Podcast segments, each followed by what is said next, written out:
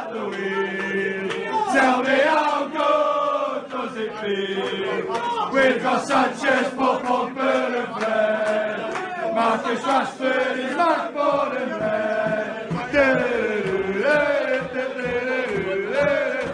The greatest of English football. We've won it all. Always at the wheel.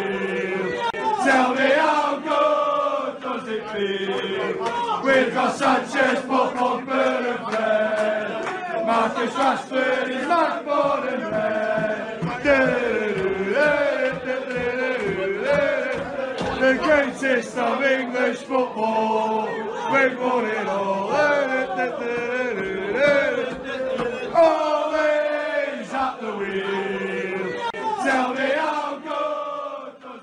It to it now these days that Liverpool have scousers in their, their ranks, if you like. Mm-hmm. United have always had Mancunians, academy players. We know all about that.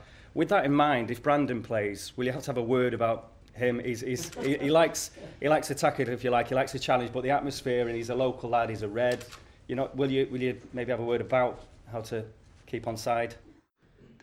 It does. Uh, does it look like I need to, to speak to him? Uh, I don't think so. Uh, I think he's. Uh, I think he's been absolutely outstanding since he's come in. He's every every every challenge we've put in front of him, he's tackled uh, head on, and he's now. At it's only 19. He's played 10, 11. He's had 10 or 11 starts.